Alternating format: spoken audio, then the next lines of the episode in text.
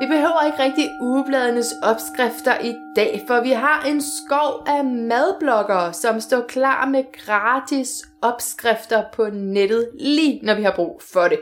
Madbanditten er en af de mest populære madblogs, så det skyldes måske de helt særlige principper bag Madbandittens opskrifter. Der er for eksempel ingen sukker med. Yoga-podcasten skal møde Madbandittens helt sublime bloggerinde, og vi skal forhåbentlig lidt dybere end sukker og madsystem. Jeg vil gerne vide, hvorfor det er så svært for mange af os at spise det, min gæst kalder rigtig mad. Hvad handler det egentlig om, og hvad gør vi ved det? Velkommen til.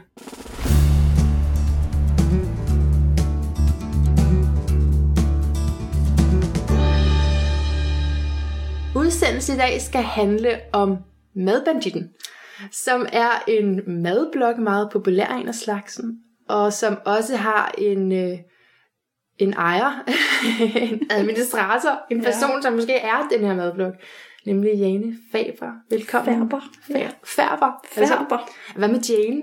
Det, Jane? Det, det hedder Jane, at du Ja, hedder Jane? jeg hedder Jane. Så Jane Færber. Færber. Færber er tysk, det er noget, jeg har giftet mig til. Ja. Tricky. Yes. Velkommen til Yoga Podcast. Tak for det. Okay. Jamen, det er bare fordi, min søn hedder Jason, så det med sådan med Ah, ja. J, ikke? Så, at J, ja, okay. Nå, men så den her madblog øh, handler om øh, en bestemt måde at spise på. Ja, kan man godt se. Noget, jeg synes, jeg tit får frem i, i samtalerne omkring mad, det er, at der er så mange systemer derude, og, øh, og vi ved ikke rigtig, hvad vi skal vælge, og så kommer vi frem til noget med, at man skal lytte til sin krop, og, og, så, og så skal man spise ud fra noget, Ja, som kroppen... Altså, hvad, hvad, jeg kunne godt tænke mig at komme lidt dybere end det. ja. Men det er også, øh, fordi det er jo både, altså det er jo meget rigtigt at Ja. sige, at jamen, du kan godt mærke, hvad du skal spise, eller du skal spise det, du har ja. det rart med. Også ud fra sådan en idé om, at vi ikke alle sammen skal spise nøjagtigt den samme kost, eller mm. trives med, den, med absolut den samme kost. Men alligevel at bare sige, at du skal bare mærke efter, og så ved du godt, øh, øh, hvad der er godt for dig. Det er der altså mange mennesker, der har svært ved at navigere efter øh, det alene. Kunne vi det, ville det jo være super. Ja. Men der er altså mange, der øh, har gavn af at have sådan en eller anden øh, overordnet idé, eller skabelon kan vi kalde det, og læne sig lidt op af i hvert fald. Fordi det er så svært at spise, eller hvad? Altså svært at spise godt. Er det svært? Det er det jo til sydlandene for mange. Ja. Og man kan sige, at vi er jo også øh, endt i en verden, hvor mulighederne pludselig er rigtig mange. Altså hvor tilbudene om mad jo er øh, overalt 24 timer i døgnet. Så vi bliver jo bombarderet med madindtryk eller madinput hele tiden. Så vores øh, gamle urhjerne skal jo på en eller anden måde lære at, at sortere lidt i alle de øh, input. Og, og, og, men altså, jeg kommer jo til at tænke på din blog, når du siger, at man bliver bombarderet med mad. Altså, Ja, ja, det gør man også Det er jo der. der, jeg får det i hvert fald i min newsfeed. Så ser jeg en hel masse lækre billeder. Ja. Øh, og det ser virkelig lækkert ud. Men, men du skal jo også, så skal du lige have nogle, kø- noget køkkenudstyr og noget... Ja, jeg synes egentlig, at, øh, at den mad, jeg er jo ikke kok for det første. Nej, Øhm, overhovedet ikke, faktisk. nej du er uddannet noget helt andet. Ja, Det er jeg er uddannet øh, kant med Ja. i fransk og retorik. Ja, og nu, nu laver du mad Og nu laver på fuld mad. tid. Ja. ja, men egentlig så siger jeg, at altså, fordi det godt- det kan godt være, at maden er, er centrum i, øh, i bloggen, eller hvad man skal sige. Ja. Men i virkeligheden, så, så det, at jeg laver mad og skriver om det, er på mange måder også bare en undskyldning for at skrive om livet. Mm. Altså, jeg, Ja. Fordi det ved du også, hvis du læser med på bloggen Ja. imellem, at jeg skriver også om andre ting. Ja. Eller selvom det er en opskrift, jeg bringer, jamen, så er bloggen mere end bare et opskriftsarkiv. Altså, ja. du får et... Øh, du får en lille fli af mig Ja, øh, og mit liv, eller et lille, et lille kig ind i min hverdag. ja. Øh, Ja, den seneste jeg læste, der, så skrev det sådan, og efter denne lange svada, eller hvad Ja. var, der kommer en opskrift. Det kommer Så- opskriften så. Så man kan sige, opskriften Ja. er blikfanget. Ja. Altså, det er egentlig øh, det, er det som jeg øh, lokker folk Ja. ind med. Ja. Men øh, Og det er også det, jeg synes, det er interessant ved at snakke med dig, fordi du har nogle tanker bagved den her mad. ja, Og, og, og madsystemet, som du så har øh, specialiseret dig i, hedder LCHF. yes. Er det rigtigt? Ja, det er helt rigtigt. er det lidt nemmere at huske, når man ved, hvad det står for? Ja. Low carb, high fat. Ja. Yes. Det er rigtigt. Hvad går det ud på? Jamen det går som navnet antyder ud på at spise færre kulhydrater og en højere andel naturligt fedt. Altså ja. færre kulhydrater og mere fedt. Og det her med at spise færre kulhydrater, det har jo været på dagsordenen i nogle år efterhånden. Ja. Øhm, det var måske noget, der sådan for alvor øh, slog igennem tilbage i 13, da min første bog udkom. Ej, måske skal vi faktisk tilbage i 12, tror jeg, da hele stenalder, øh, stenalderbølgen, Ja. hvis man kan kalde sig, den begyndte at rulle lidt igennem Danmark. Flere begyndte at sige nej til, øh, til brød og til mange af de her forarbejdede madvarer. Og et lille års tid efter, så kom LCHF så med min første bog, der hed Spis dig med dig glad. Mm. Og det som, øh, det, som, det som den handlede om, eller det som LCHF handler om, det er, at hvis du vælger at skære de her store kulhydratkilder fra din kost, altså primært alle kornprodukterne og sukker, så, så spiser du jo få kulhydrater. Men for at du så stadigvæk har energi og kan finde øh, mæthed i den mad, du spiser, og for at din krop stadigvæk kører optimalt, så er du nødt til at lægge noget andet til. Du kan ikke Altså, du kan ikke bare tage noget, så du kan ikke bare tage noget ud af din mm. kost, uden at lægge noget andet til. Og det er så fedt. Og det er så fedt, du lægger til her. Og ja. det er, øh, og man kan sige, i, i et land som Danmark, eller alle lande i den vestlige verden nærmest, som jo har levet med den her fedtfattige, øh, eller de her fedtfattige kostråd, og i høj grad måske også med sådan en fedtforskrækkelse, Ja. at der så pludselig kommer noget, som siger, hey, måske er fedt ikke den store synder, som vi troede det var, Nej. eller måske rettere, måske er fedt i den rette kontekst, ikke den synder, som vi troede det var.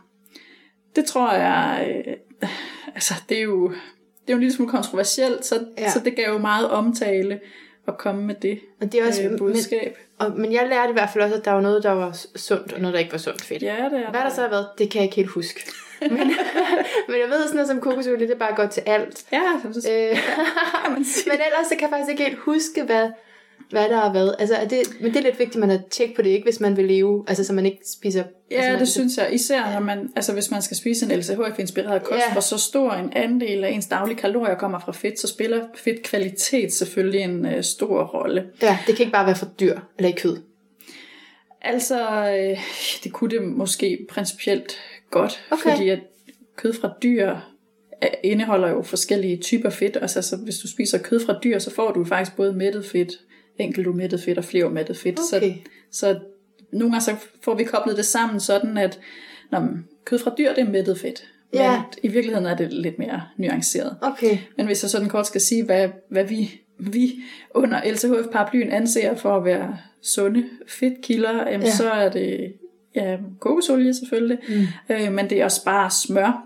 Mm. Smør er lidt mere tilgængeligt for os her i Danmark, end kokosolien er. Øhm, det er de to øh, fedtstoffer, som vi bruger, når vi skal varme ting op. Altså Okay. når vi skal stege. Øhm, Så ikke olivenolie? nej, jo, vi bruger gerne olivenolie, men den hælder vi hellere kold over vores øh, salater. Okay. Øhm, ja, og så er der selvfølgelig altså det fedt, som vi får igennem, øh, igennem madvarerne, altså mælkefedt fra, vi spiser gerne fede øh, mejeriprodukter, og også mm. øh, det animalske fedt, vi får, når vi spiser øh, kød, og gerne spiser fedtkanten på kødet, og mm. skinnet på kyllingen, og den slags. Hvorfor? Hvad, altså, jeg har lyst til at spørge, hvad det gjorde øh, i dit liv, at du begyndte at spise sådan her, og, og, og hvorfor, hvorfor du overhovedet begav dig ind i det Ja. fra den her øh, kandidatuddannelse, det du Ja. ja. troede, du skulle med dit liv, Ja. og så til det her, hvad... Men det er jo også sådan en, altså, det er jo også sådan en lidt lang og, og snørklet vej, kan man sige, fordi at, altså efter jeg havde læst på universitetet og var blevet færdig med det, så har jeg jo arbejdet i 5-6 år i mediebranchen. Ja. Og øhm, mens jeg gjorde det, oplevede jeg nogle ting sådan helbredsmæssigt, øh, som, altså hvor det virkelig gik ned ad bakke for mig. Mm. Og på et tidspunkt fandt jeg ud af, at jeg ikke kunne tåle gluten. Mm. Og så stoppede jeg med at spise gluten. Og det var sådan set egentlig nemt nok. Altså, det var det jo selvfølgelig ikke helt, fordi jeg var vant til at leve meget øh, brød og pasta. Ja, jeg tænker også, at brød, så det var det jo, der, men det var, øh, det var på en eller anden måde, øh, jeg oplevede bare, jeg oplevede helt vildt hurtigt, hvordan, hvordan mange ting øh, føltes helt anderledes. Okay. Jeg, jeg kunne faktisk pludselig mærke, at nogle ting føltes helt anderledes i min krop, når jeg ikke spiste okay. øh, gluten. Og, øhm, og det her, det er det her, det var før, at det her med glutenfri blev en ting. Altså på det ja. tidspunkt, vi er tilbage i, øhm, jeg vil tro, vi er tilbage i 2009, eller sådan noget. Ja. Og på det tidspunkt, kunne man ikke gå ned i supermarkedet og købe glutenfrit brød og glutenfrit pasta og gluten, mm. altså, så jeg havde ikke ligesom mulighed for at bare at, hvad skal man sige, bare fortsætte min almindelige kost, men bare med glutenfri produkter, for de Nej. fandtes ikke. Nej. Øhm, så jeg var ligesom tvunget til at, øh, at gøre noget, noget helt andet. Og en anden ting, som også øh, optog mig allerede på det tidspunkt, var det her med sukker. Ja. Især at øh, jeg oplevede, at jeg havde svært ved ikke at spise det.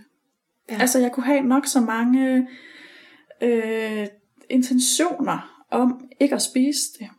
Men alligevel så spiste jeg det næsten hver dag. Ja. Fordi, og jeg kunne, ikke, jeg, kunne ikke, jeg kunne ikke forstå det. Jeg er jo et øh, voksent, øh, intelligent, rationelt tænkende menneske. Hvordan kan jeg føle mig så forsvarsløs over for noget så latterligt som sukker? Øhm, og det var i virkeligheden, øh, det var i virkeligheden de her to ting, som førte til, at jeg på et tidspunkt så startede madbanditten. Så altså, du, du Så det var egentlig du... inden LCHF ja, ja. Øh, begyndte at, at spille en Så til at starte med- rigtigt. Til at starte med var det bare glutenfrit og sukkerfrit. Ja, det var det faktisk ja. Ja. i høj grad. Jeg var på det tidspunkt egentlig blevet inspireret af det her LCHF-koncept, som jeg var stødt på i Sverige. Okay. Øh, LCHF er meget stort og øh, populært i Sverige, Mm. og var det allerede også øh, på det tidspunkt. Men det gav ikke rigtig mening for mig at skrive om LCHF, fordi der var ikke nogen i- i Danmark, der kendte det. Så Mm. ligesom at bruge de fire bogstaver, det, altså det, Mhm. det gav ikke rigtig nogen mening. Så jeg kaldte det, at jeg spiste glutenfrit og sukkerfrit, og jeg skrev om, om min kvaler med det her med Ja. at, at, at enten spise mindre sukker, eller stoppe helt med at spise det. Og det oplevede jeg bare, at det var der virkelig, virkelig mange, der kunne identificere sig med. Og øh, der kom ret mange læsere til hurtigt. Og på et tidspunkt så blev, altså, så blev, så begyndte jeg stille og roligt at introducere det her LCHF-begreb. Og det var egentlig ud fra sådan en, øh, det var mest ud fra sådan en tanke om, at jeg havde brug for noget, hvor jeg sådan i en sætning kunne forklare sådan lige kort, hvordan er det, jeg spiser.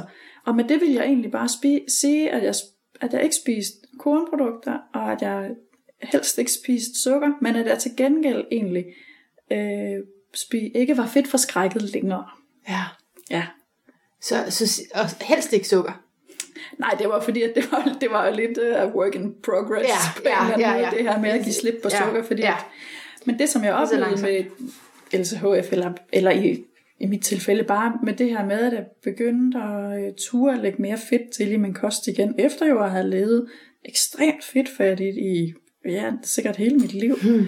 Ja. Så det jeg oplevede, det var, at, at, at når jeg spiste mere fedt, så forsvandt den her sukkertrang faktisk.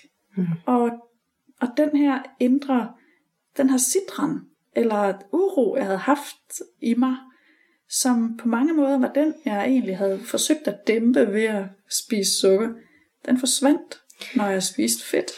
Så, okay. Jamen, altså, jeg lider så meget sukkertrang, ikke? Så du taler med helt rigtigt eller forkert, det ved jeg ikke, men...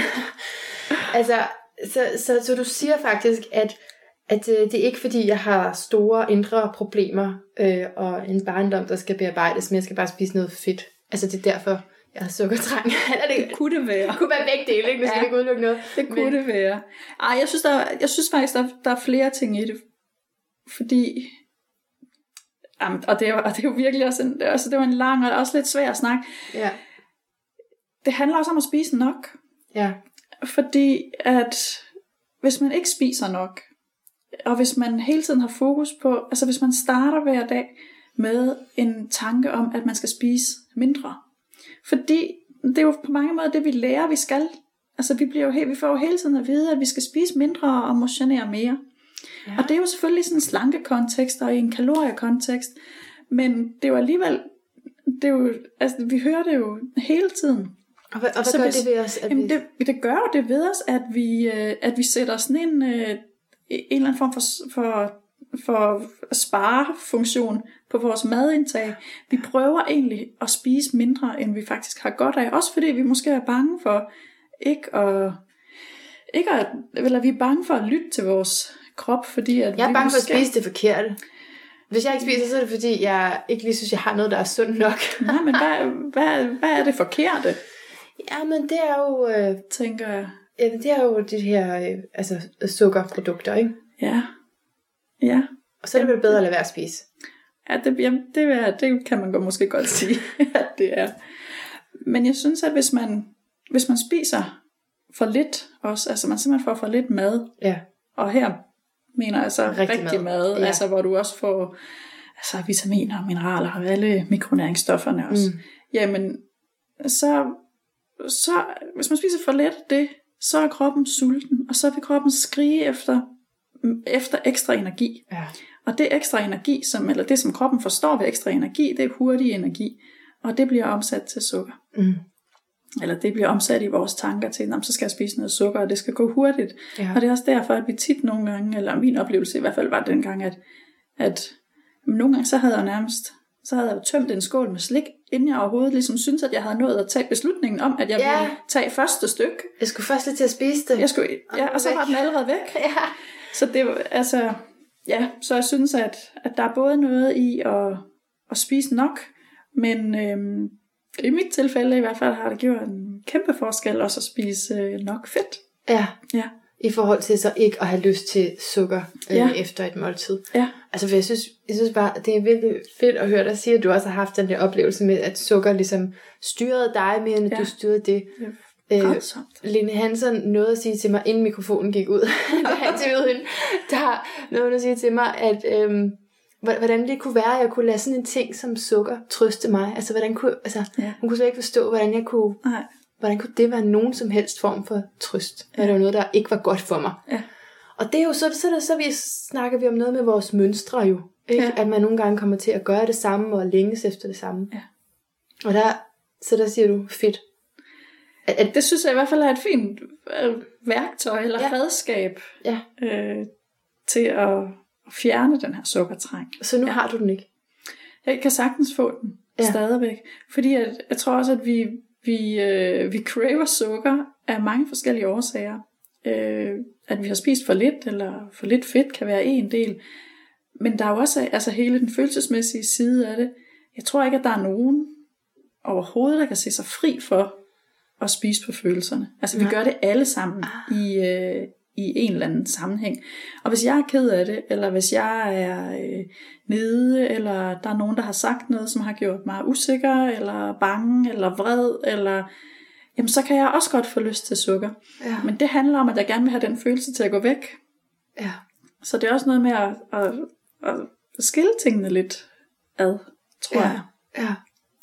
Og, og hvis du får lyst til noget sødt, så går du jo bare ud og blender et eller andet, ikke? Og så fisker det sammen med noget andet, og så Ej, det er ikke altid, jeg gør ind i det. ovnen. Nej, jeg, øh, jeg spiser også gerne mørk chokolade, for Ja. eksempel. Ja. Øh, synes jeg er øh, dejligt. Jeg spiser også sukker nogle gange. Ja.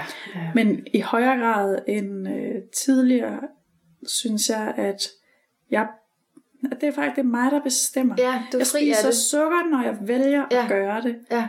Øhm, og når jeg så vælger at gøre det, så kan jeg sagtens også have svært ved igen at, hvad skal man sige, at slippe fri af det. Ja. Altså jeg kan sagtens opleve, at jeg så i nogle dage efter, Ja. åh, har lyst til, åh, så har jeg lyst til lige at spise sukker en gang til. Og bare lige en gang til. Og bare lige en gang til. Det er så dejligt.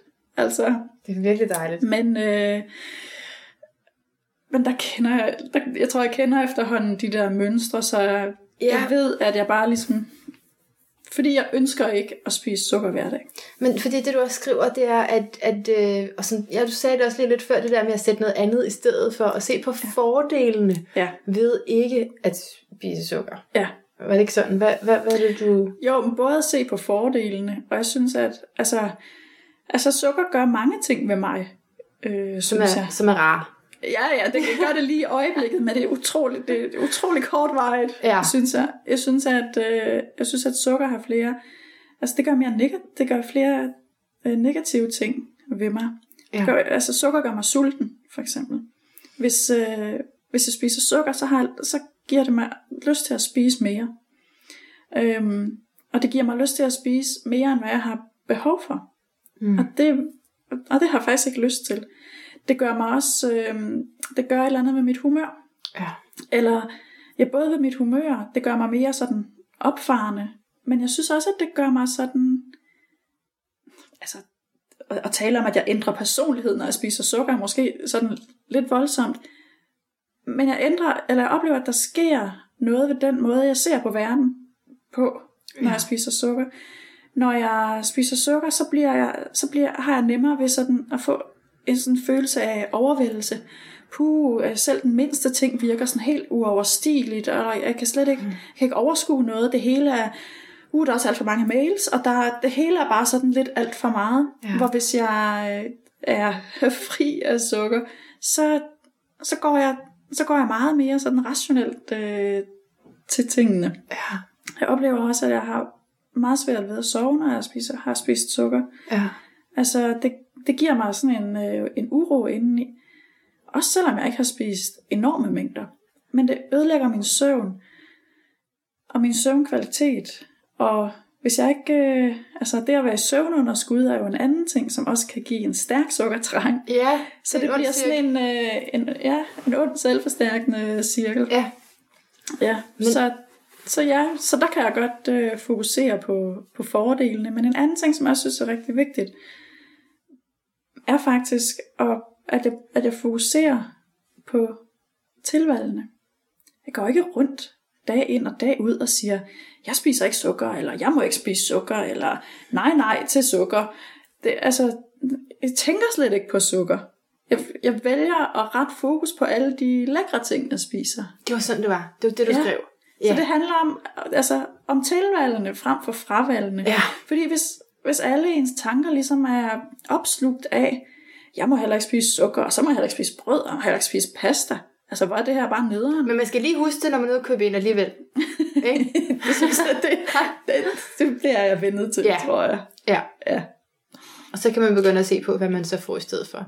Men så for dig, nu snakker vi om og det her med at være sukkerfri, men er det sådan med hele systemet, at du føler, at dit liv er bare, altså du er en bedre person, når du spiser efter de her low carb, high fat system? Jeg ved ikke, om jeg er en bedre person, men jeg synes i hvert fald, at jeg har det bedre. Ja. Altså, og nu startede du ud med at sige det her med, at hvis bare man kunne øh, mærke, mærke sin krop, eller mærke, hvad der gjorde, gjorde godt for en. Jamen, det kan jeg for eksempel meget bedre, når, øh, når jeg ikke spiser sukker, eller når jeg spiser LCHF-inspireret. Men jeg synes også, at selvom jeg skriver om LCHF, og skriver bøger om LCHF, og blogger om det under sådan en LCHF-paraply, eller hvad man skal sige, så er så er jeg heller ikke tilhænger af noget rigidt kostsystem. Altså, Nej. jeg ser det som sådan en, øh, eller jeg prøver at bruge det, og prøver også at formidle det som sådan en overordnet skabelon.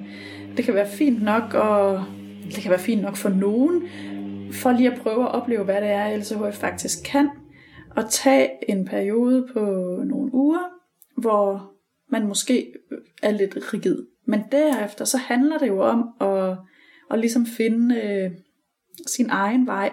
Og det er jo okay. også der, hvor jeg nogle gange får øh, et, øh, et, et slag over næsen af, af de meget... Øh, hvad skal Dem, man som kalde kun følger. Dem, som er meget sådan, øh, dedikeret til LCHF-reglerne. Ja. Øh, fordi at dem omgår jeg jo tit, fordi at jeg har fundet ud af, at jamen, det fungerer fint for mig. Fordi vi er også nødt til at sætte det ind i den kontekst, at jeg er, øh, ja, jeg er snart 40, jeg er normalvægtig, jeg er moderat aktiv, jeg øh, har ingen sygdomme, altså jeg er ikke øh, insulinresistent, eller har øh, type 2 diabetes, eller har øh, blodtryksproblemer. Altså jeg har ikke nogen af de her livsstilsudfordringer. Øh, udfordringer. så jeg har, ikke, øh, jeg har ikke brug for at være lige så striks med min kost, som en, som...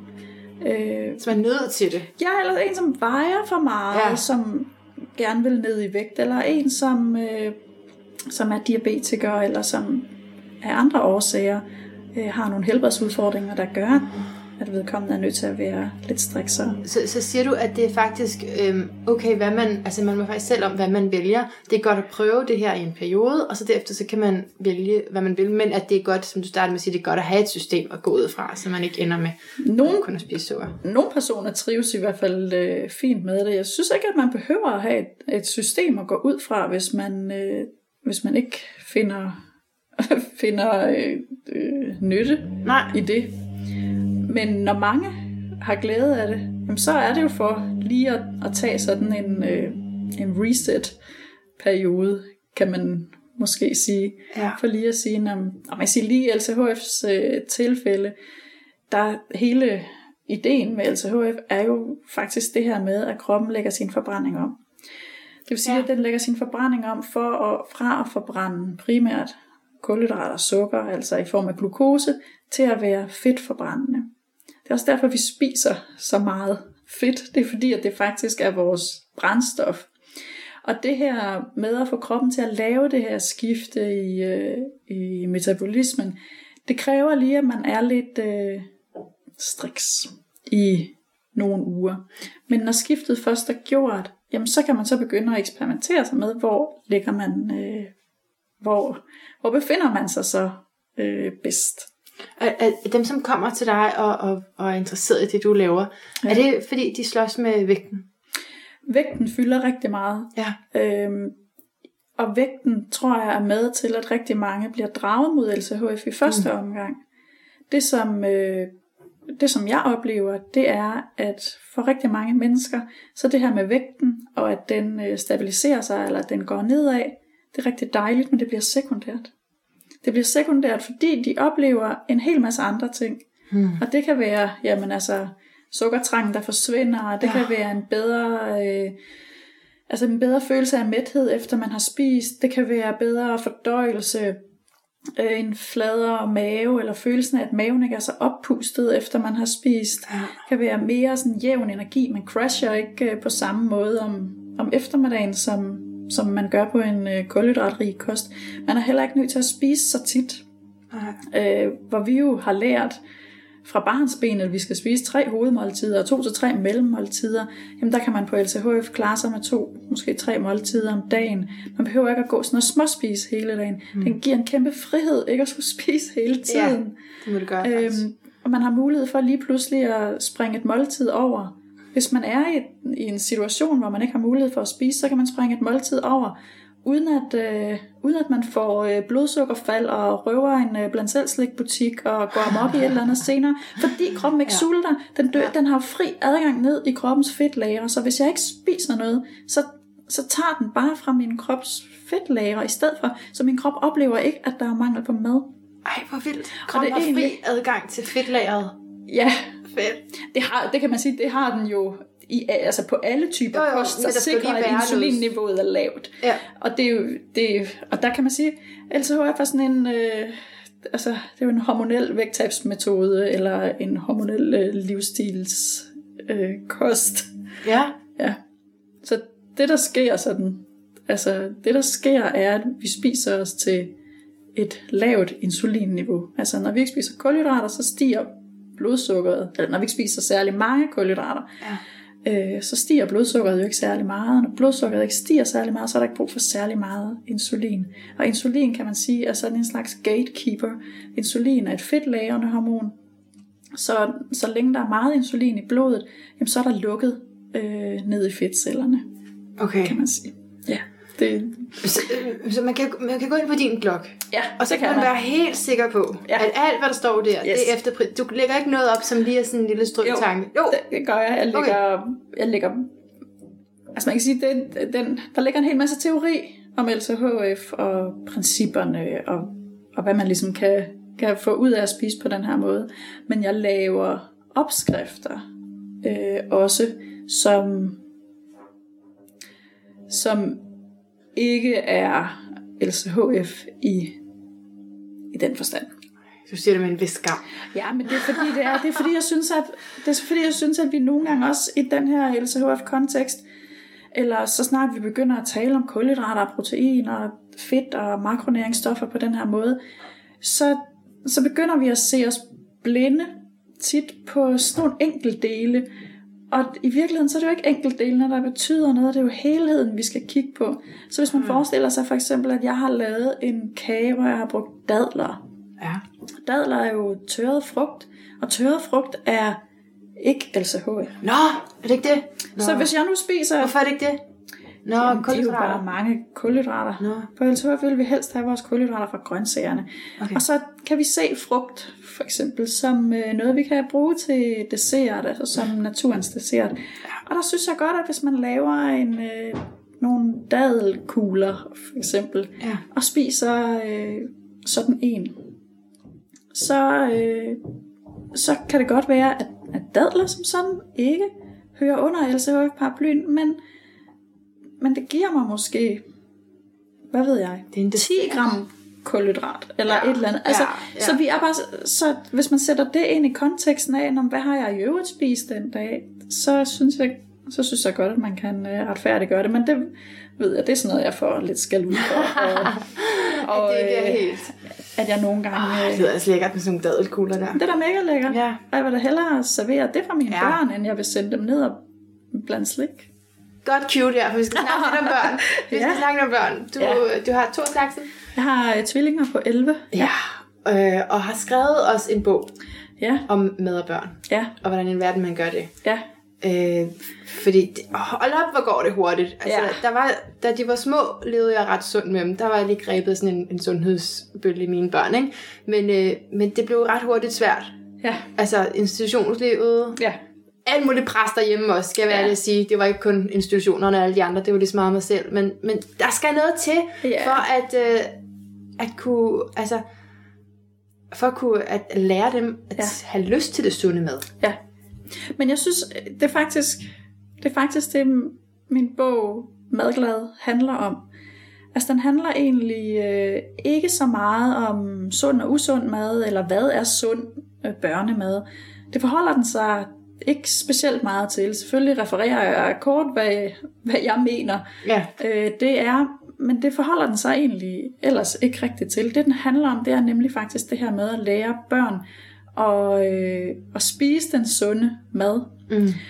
Og det hele grundtanken i bogen er, at børn kan lide de smage, som de er vendet til. Ja.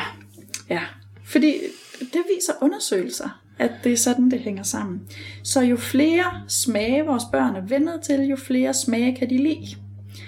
Og det ønske, jeg har haft med, øh, med mine børn, er, at jeg har gerne ville give dem så, så stort og så bredt et udgangspunkt som muligt. Ja. Øhm, fordi, fordi jeg godt ved, at der jo kommer en dag, hvor de skal ud og vælge selv. Mm. Og den dag, nu er de 11, så den dag er jo i et eller andet omfang jo kommet Ja. allerede. Ja.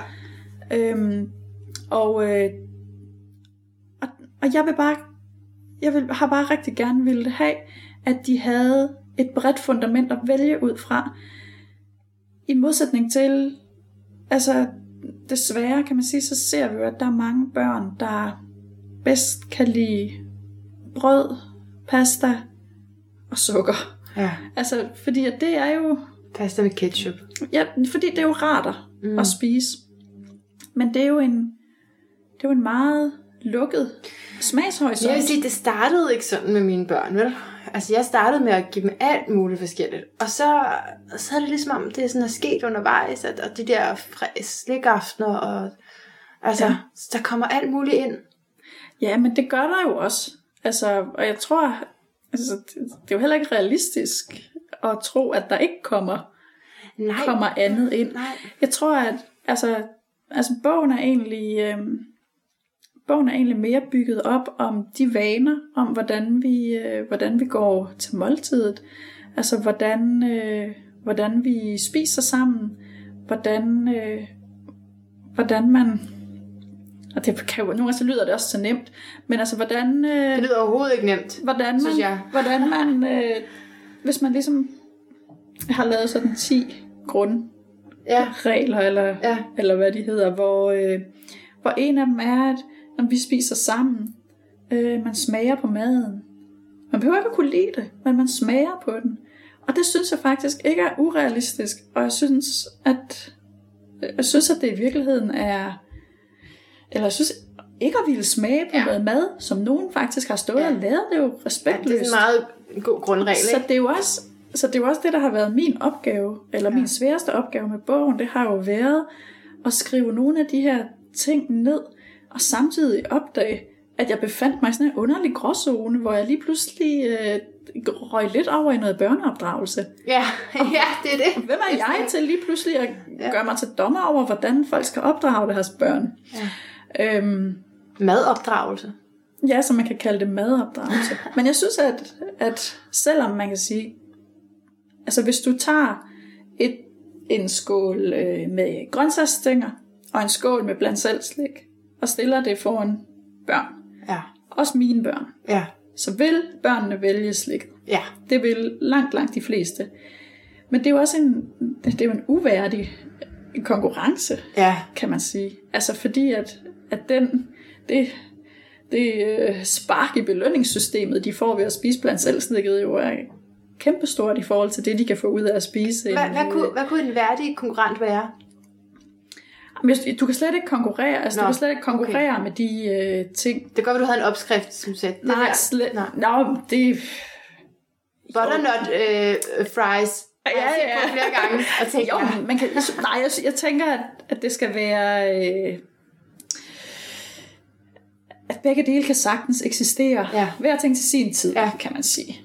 Øhm, men det er klart, at hvis, hvis barnet er vendet til, at alting skal smage lidt sødt, ja. altså søde boller, øh, lidt øh, sød pasta med sød ketchup, med øh, øh, sød yoghurt og øh, sød slik bagefter, ja. og noget sødt i, øh, i glasset, som man drikker af. Jamen, hvis barnet er vendet til, at alting skal smage lidt sødt, så smager almindelig mad, eller rigtig mad, det smager sådan lidt blah. Ja. Altså, hvis du er vant til den her meget syntetisk søde smag, ja. så, så, så kan du ikke længere øh, sætte pris på sødmen i en tomat eller en peberfrugt. Øhm, og det er Nej. også øh, derfor, at bogen opfordrer til sådan en slags øh, sukkerbevidsthed, vil jeg egentlig hellere kalde det. Og bogen er jo øvrigt ikke en LCHF-bog, i Nej, modsætning okay. til mine andre bøger. Okay. Øhm, hvilket også har været lidt rart. Øh, og slippe det. Ja, men også at kunne få lov til at, altså også at kunne få lov til at sige, at, at jeg laver mad og, og gør nogle ting på en bestemt måde derhjemme. Jamen det betyder ikke, at mine børn er underlagt et eller andet øh, øh system nej. af regler. Nej, nej. Fordi, fordi, fordi fokus er på, på god mad. Ja. Mere end det er på, øh, på reglerne. Vi spiser jo ikke bogstaver. Nej. Vi spiser mad. Ja. ja. Og det, øh, ja, det har været rigtig rart at, at, at kunne få lov at sige det i, øh, i en bog også. Men man kan sige, børn og sukker er jo virkelig, virkelig kontroversielt emne også. Ja. Og det er jo et emne, hvor Hvad gør jeg... man med det? Børnefødselsdage, alting, ikke? Lige Ej, men skal man være mega anderledes. Ja, men det, øh, det holder jeg mig helt udenfor. Okay. Altså, jeg, jeg, øh, jeg holder mig kun til, til de ting, som jeg faktisk kan påvirke. Altså, jeg interesserer mig for de ting, vi gør hver dag og til daglig. Jeg er ligeglad med, hvad vi gør juleaften og til fødselsdage, og ved godt, Der er rigtig mange dem. fødselsdage. Jeg ved godt, at der er mange af dem, og hvis man ligesom Og hvis kunne... parallelklassen inviterer. Ja, men er, ja, mine børn går også hele tiden til et eller andet. det er jo hver, faktisk men, hverdag, ikke? Ja, det er det næsten. Men jeg er nødt til at fokusere på det, som, det, som jeg har nogen indflydelse på. Ja. Og det, som jeg kan påvirke, det er, hvad vi spiser til morgenmad, og hvad vi spiser til aftensmad. Og indtil videre kan jeg også påvirke, hvad de har med i deres madpakke. Ja. Men hvad de ellers gør, når de spiser om eftermiddagen på klubben, eller hvad de spiser hjemme hos vennerne, eller hvad de gør, når de er andre steder, det blander mig overhovedet ikke i. Mhm. Fordi, fordi det er sagen uvedkommende. Mhm. Altså, og jeg skal ikke være sådan en, øh, en forbudsmor. Nej, Øh, nej. Så det er noget med at prioritere sin energi også, ikke? jo, det er det nemlig Det er her, vi kan meget. få mest ja. ud af det, så lad os gøre det. Ja, præcis. Altså, men jeg, jeg tænker, når du taler, at der er nogle af os, som har en rigtig stor opgave her, når vi skal læse sådan en bog, og øh, lige den mere med smag på maden, den synes jeg, den, øh, den har jeg lært mine børn. Men ellers er resten er, øh, altså, altså fordi jeg selv er vant til sukker fra barns ben, ikke? Og som sagt, så har jeg haft sukkerfri perioder, men så kommer det igen og igen. Jeg bliver fanget ind i sådan et mønster, Ja. som, øhm, som jeg ikke har lyst til skal være der. Ja. Og, øh, og det er jo et mønster, som Som du vel heller ikke har lyst til at give videre til børnene, tænker jeg. overhovedet ikke. Det er jo, jeg ved jo, hvad det, hvad det har gjort med mig, så jeg har Ja. ikke lyst til at give det videre. Øh, men, øh, men det er netop det der med, så kan jeg godt blive sådan lidt øh, vristen over for dem, hvis de vælger at spise lidt mere usundt, eller hvis der er nogle Åh, alternativer, så ja. kan jeg godt blive sådan, ej, kan du ikke lige spise din salat først, og så vælger de måske noget andet, og så, kan det, altså, så er jeg også bange for at lægge noget ned i dem på en eller anden måde, at det, altså, Ja. fordi de skal føle, at der er frihed jo. Ja. Øh, og, og, ja. Ja. ja. Forstår du, hvad jeg mener? Ja, Så- men jeg forstår rigtig godt, hvad du mener. Og, øhm, og, og vi, vi bøvler, eller ikke bøvler, men vi har det jo også øh, lidt med. Altså, så vi, altså, vi har egentlig sådan en grundregel, der siger, når, når jeg stiller mad på bordet, så skal vi øh, spise fra alt det, jeg har lavet. Ja. Altså, det vil sige, man skal tage fra alle skåle. Øhm, Åh, jeg vil gerne være med rundt bordet. og så, og så, og så taler vi selvfølgelig også en lille smule om, hvordan en god tallerkenfordeling vil være. Ja. Altså, hvilken rolle skal grøntsagerne spise, eller spille? Hvilken rolle spiller kødet og sovsen, og hvis der er ris, pasta og kartoffel? Altså, hvad skal ligesom... Er I enige om det, dig og din mand? Eller? Ja, det er vi mand, faktisk. Ja. Vi er faktisk ret enige om det. Det er jo også en kæmpe hjælp. Kæmpe stor hjælp. Ja, ja fordi der kan Helt mig og min eksmand jo godt have ja. Nogle forskellige ting, hvor han lige køber den billige ketchup, og Ja. hvor jeg har sådan en økologisk en. Jeg synes, de skal Ja. tage, som de ikke Men, ja. ja, men det er helt... Så, så det jeg... gør så mange ting mm. så nemmere, og det er ikke engang noget, vi behøver at tale om. Nej. Altså, men jeg synes også nogle gange, øh, nogle gange, hvis man sådan synes, at det hele er gået lidt i hårdknude med børnene, ja. og de kun gider at tage fra de der skåle med det beige mad, eller, eller hvad det er, man har, har på, jamen så, så nogle gange så kan man også godt have brug for at, øh, at ruske lidt op i hverdagsrutinerne. Øh, rutinerne. Ja. En af de ting, som jeg nogle gange øh, gør for mine børn, det er, vi er sådan lidt firkantet. Ej, ret firkantet faktisk med det her med, at vi spiser ved bordet. Vi spiser ikke foran fjernsynet, vi spiser i køkkenet ved vores spisebord, og vi sidder alle sammen ned, imens vi spiser. Vi hører ikke tv og radio samtidig. Der er ikke legetøj med ved bordet. Man begynder ikke pludselig at synge ved bordet. Altså vi har sådan nogle... Når vi spiser, så spiser vi. Men hvis jeg så nogle gange har brug for at... Øh, ah, lige at ruske lidt op i det der, Ja. så kan jeg finde på at, at lave, altså at anrette vores mad i skåle, altså portionsanrettede skåle, hvor jeg siger, når så nede i den her skål, så er der en øh, klat øh, øh, kødsovs, eller nogle kødboller, eller hvad ved jeg, og så er der nogle forskellige af de øh, grøntsags øh, ting, jeg har lavet, og måske er der en dressing, eller noget pesto, eller noget et eller andet, og så er der måske noget kartoffel, eller ris, eller pasta, men sådan at, at, det ligger samlet i den her skål. Mm. Og så siger vi, at i dag, der, så spiser vi inde i stuen, eller så gør vi noget andet, og så spiser vi af de her skåle. Mm. Og så i det der med, at, at maden pludselig er anrettet på den måde, det ser lidt festligt ud Ja. faktisk nede i den der skål, og så er der mere, der så ryger, så ryger det bare ned. Ja, det Altså- er for lækkert. Det er en oplevelse. Ja, så det er nogle gange også noget med, og, øh, fordi det er den der, gran, eller den der balance, du også taler om, med at børnene skal jo have en følelse af medbestemmelse, men, men man skal også have lov til som forældre at bestemme lidt. Ja. Og, øh, og det er rigtigt, at hvis øh, Bestem det meste. skal, op til en vis alder jo ja. i hvert fald, Ja. Øhm, ja, men bogen indeholder jo derudover også en hel masse, altså sådan nogle praktiske hverdagstip til, hvordan man kan få børnene til at spise flere grøntsager, og hvordan man kan øh, gøre dem mere øh, nysgerrige i forhold til at smage på maden. Og, Ja. Mm. mm. Lækkert. Altså, jeg får lyst til at gå på restaurant hjemme med dig. det lyder rigtig godt. Øhm, jeg er selv sådan en, som ikke har så nemt for det der med at sidde rundt om bordet. Øh, så, så, det, så det er jo det, ikke? man kan godt have en, en ret stor opgave at løfte, alt efter hvad man lige har med sig, og hvad man formår at, at, at give til sine børn. Altså. Men det er jo heller ikke sikkert, at det er mine regler, der er de rigtige. Nej, okay. Altså, så jeg giver jo bare mit bud på, Ja. ja. hvad jeg synes er... Altså, det kan jo lige så vel være, at du får skabt en måltidssituation øh, et andet sted. Det, som mit ønske er egentlig lige så meget, at vi lærer børnene, at, når, at, at det her med mad, det er faktisk også vigtigt. Mm. Altså, det er, øh, mad er jo kærlighed, selvom jeg godt ved, at vi nogle gange helst ikke skal sætte lighedstegn mellem, mellem de to. Men der er jo noget, øh, der er jo noget kærligt i at spise noget, noget god mad. Som plejer os. Og Ja, og som gør noget bedre. godt for vores ja. øh, krop. Så det er jo også ligesom at, at, at give dem sådan en, en lille form for respekt for maden, Ja. kan man sige. Og det kan man jo godt Sikkert. gøre, selvom man spiser en øh, rundkreds på gulvet, ja. eller, ja. eller hvor man nu vælger at spise. Ja, præcis. Ja. Ja. Og man kan sige, jeg tænker nogle gange, om det er fordi, altså er det fordi, vi ikke har lært at tage ordentligt vare på os selv? Ja. Er det det, vi ikke har lært? Kom, kom lige med det. Det lyder spændende. Ja. ja Men det jeg ved godt ikke, være. om det hænger altså... sådan sammen, men jeg tænker, fordi jeg tænker nogle gange også, når jeg står og laver aftensmad, og så gør jeg det i et eller andet omfang i høj grad for børnene. Jeg vil også gerne have noget lækkert aftensmad, helt sikkert. Men hvis de ikke var der, vil jeg så stå og lave det samme mad? Det tror jeg ved Gud ikke. Altså, det tror jeg overhovedet ikke, jeg ville. Jeg tror, jeg i langt højere grad ville tage nogle, øh, nogle genveje og springe nogle hjørner over. Og, øh, og Så hvad, hvad gør man, hvis man bor alene? Så kan man ikke. Det er umuligt. det ved jeg simpelthen ikke. Jeg tror, jeg tror, at hvis jeg boede alene, Ja. jeg ville spise langt mere simpelt. Ja. Og jeg ville spise øh, langt mere købemad. Mm. Heldigvis kan man sige, findes der jo masser af, af gode og sunde øh, købe muligheder efterhånden.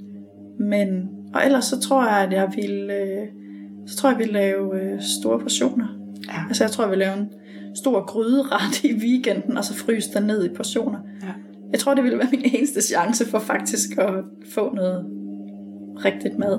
Det- Og så tror jeg, at vi lever langt mere simpelt. Altså, så tror jeg, at aftensmad i højere grad kunne blive en, øh, en øh, stor salat med noget parmaskinke og noget mozzarellaost og noget olivenolie.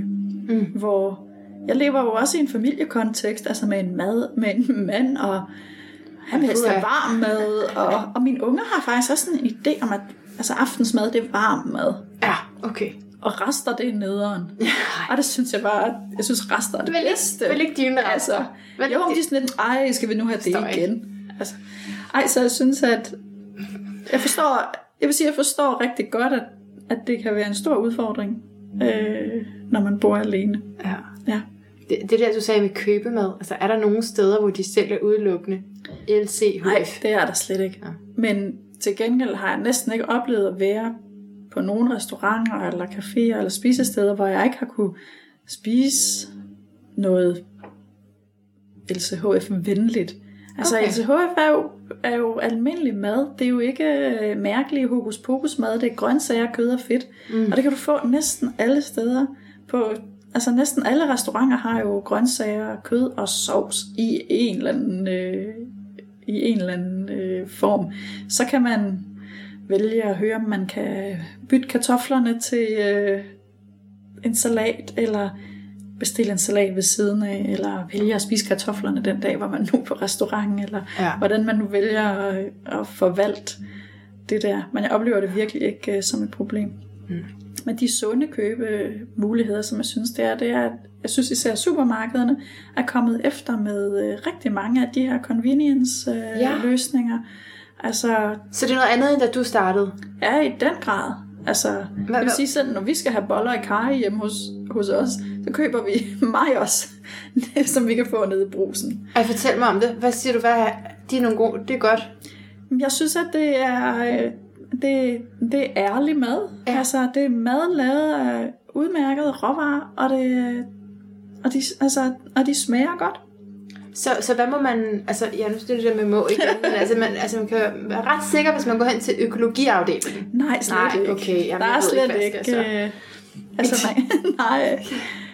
Altså, jamen, du tænker sådan på, hvis man... Ja, hvor skal jeg gå hen i det supermarked for at få noget, som ved, okay, det her, det gør mig godt. Altså på køb, altså sådan færdigret fronten, eller bare i det I det hele, hele taget. taget, faktisk. Jamen, hvis, når jeg handler ind, så starter jeg i grøntsagsafdelingen. Ja. Vi spiser jo mange grøntsager. Øh, stadigvæk på LCHF. Bare ikke kartofler, Ikke kartofler. men resten. Nogen spiser rødfrugter, nogen vælger at spise lidt mindre rødfrugter og mere. Søde kartofler må godt, ikke? Er det rigtigt? Søde kartofler er... Altså, jeg rystet på hovedet. Ja. altså, jeg spiser okay. dem selv, fordi Ja, jeg elsker dem helt, jeg elsker dem helt Oj. vildt højt. Og der har jeg det også nogle gange sådan lidt, at man er også nødt til at spise de ting, som man elsker helt vildt højt. Ja da. Øhm, bare en kartoffel. Ja, og kartofler. Altså, men det er også der, hvor jeg nogle gange synes, at, at, at det om noget er LCHF, og om noget er sundt, det kan altså være, det kan, det kan godt være rigtigt begge dele. Ja. Altså, at noget ikke er LCHF, betyder ikke, at det så er usundt. Det betyder bare, at det måske indeholder for mange kulhydrater til at kunne høre hjemme i sådan en kost. Ja. Øhm, og her har jeg blandt andet kartofler og søde kartofler placeret, ja. øhm, som jo, altså, og især i en børnekost, synes jeg, det er glimrende energi. De fleste børn elsker det. Mm. Det er billigt, og det mætter godt, og jamen, jeg synes, der er virkelig... Og vil langt hellere servere øh, kartofler for mine børn, end jeg vil servere øh, pasta. Okay. Fordi at- Og skrovpasta. Ja, egentlig.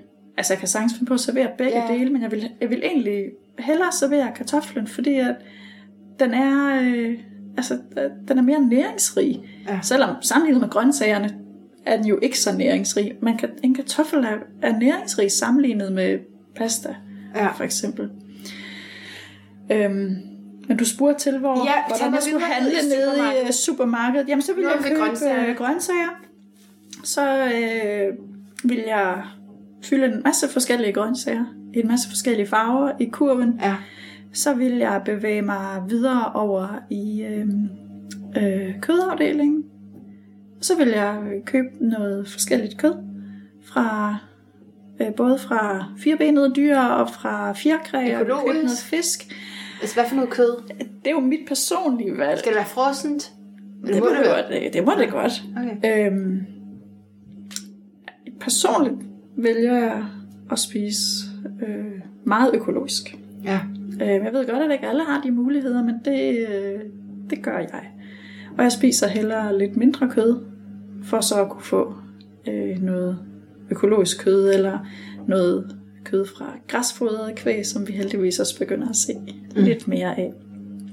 Men så køber jeg kød, og jeg køber alle slags, og jeg køber, jeg køber gerne, jeg køber alt slags, men jeg vil gerne have noget, der har et naturligt fedtindhold. Det vil sige, at jeg vil hellere have en hel kylling eller noget kylling med skind på, end jeg vil have et magert kyllingebryst. Men jeg kan også godt spise et magert kyllingebryst, men jeg vil helst have noget med et naturligt fedtindhold. Jeg vælger også hakket kød med et højere fedtindhold, og jeg køber hellere en nakkekotelet eller en bøf med god fedtmarmorering, end jeg køber et, en mager roast beef, Okay. øh, for eksempel. Ja.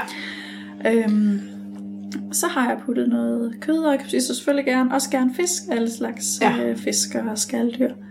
Og så kommer vi Så- ned til ost. Så kommer jeg ned til Mælken. osten og mælken. Så køber jeg ost, forskellige øh, oste også. Ost er super. Ost er super. Åh, oh, jeg kan godt lide Ja. den her. Mm. Og øh, ja, og igen, ikke de der tørre slanke oste, det skal være fuldfede oste. Okay. Så køber jeg selvfølgelig øh, videre over i mejeriafdelingen smør. Ja. Og øh, måske noget creme fraiche. Gerne 38 procent. Det er ikke Okay. alle steder, at de har den. Men nogle steder, flere steder er de begyndt at have den, og så så- smager jo helt vildt dejligt. Og vi er slet ikke over i noget soja-alternativ. Nej, Nej. det er vi bare overhovedet ikke. Okay. Ja, Jamen, der er jo- men mindre man jo selvfølgelig vælger mejeriprodukterne fra. Ja. Og det synes jeg, og det kan man også sagtens gøre i en LCHF-kontekst. Men jeg vil, øh, hvis man, hvis man gerne vil, vil undgå mælkeprodukterne, så vil jeg anbefale at lægge kokosprodukter til i stedet for sojaprodukter. Og det handler om nogle forskellige ting, men blandt andet, at kokosprodukter har et højere fedtindhold. Ja. Okay. Jeg vil købe noget fløde også. Og jeg vil så også købe noget øh, kokosmælk, altså, som jo også er godt at have i saucer. Vil jeg købe mere derovre fra? Nej, det vil jeg måske ikke. Men der, der er jeg jo også blevet forvirret med det der med alternativet ikke, til mælk, fordi... Eller, ja. Ja, hvis man ikke rigtig ved, hvad det er, man ikke kan Ja. tåle, så Ja, tænker man, okay, det er bedre med ja, ikke at købe. Men, men, men i forhold til smør, ja. Det er jo også bare, altså så er det bestelsmør, eller Nej, økologisk det er smør, altid eller er det, økologisk kernet smør. så hvorfor ikke det der, hvor der står øh, omega-3 udenpå. Ja, det er fordi, det er et margarineprodukt. Og et margarineprodukt er ekstremt, et ekstremt forarbejdet produkt. Du skal forestille dig, at, at det oprindeligt er lavet af flydende olier. Altså tit er det jo lavet på vegetabilske olier, eller nogle gange på rapsolie. Og det er jo et, det er jo et flydende produkt. Og det her, den her flydende olie har man så opvarmet til, jeg ved ikke, mange 100 grader, og gjort ting ved, for ligesom at gøre det til ja. et øh, fastere smørbart produkt. Den her proces gør ikke noget gavnligt ved fedtsyrene. Nå. Øh, så jeg vil altid vælge smør Plain. over margarineprodukter Plain til smør. enhver tid. Right. Okay, men så, der, er, der er ikke så meget mere tilbage andet end, jo, så har vi nødder og sådan noget. Det går det Nå vel ja, nødder og kerner selvfølgelig, ja. og øhm, Men efter det, så kommer der jo chokolade og slik og... så kan det være, at jeg også køber noget mørk chokolade. Ja. Ja. Ja, så har vi så måske en god olivenolie, hvis ikke jeg har det Ja. allerede derhjemme. Ja.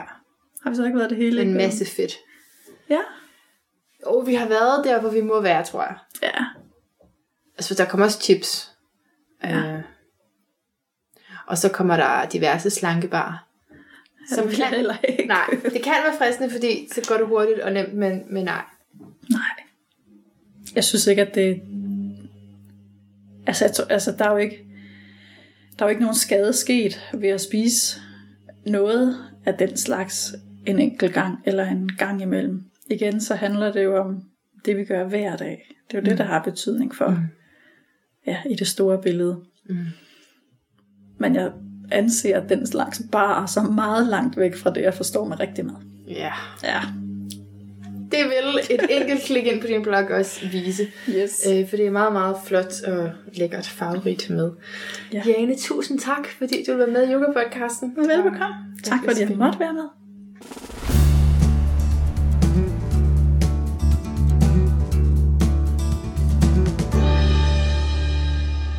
Og tak til dig, fordi du lyttede med. Jeg smider et link til Madbanditten på Yoga Podcastens Facebook-side.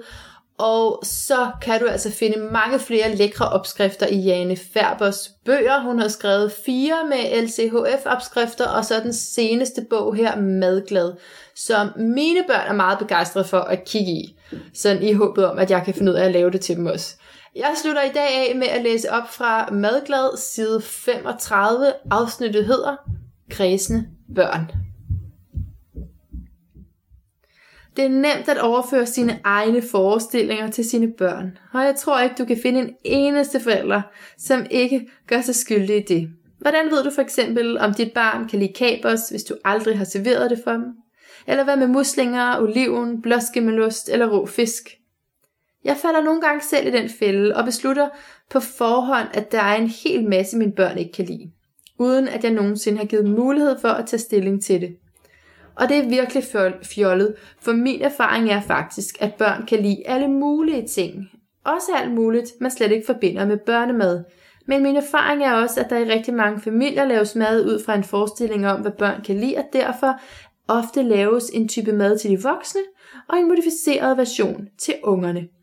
Det er samme logik, der ligger bag, at restauranter kun har røde pølser og pomfritter på børnemenuen, i stedet for at servere voksenretterne i halve størrelser. Og det er både synd og unødvendigt, og betyder, at børnene snydes for gode smagsoplevelser. I en undersøgelse fra Københavns Universitet har smagsforskere undersøgt 20.000 danske børns smag i et eksperiment ved navn Masseeksperimentet.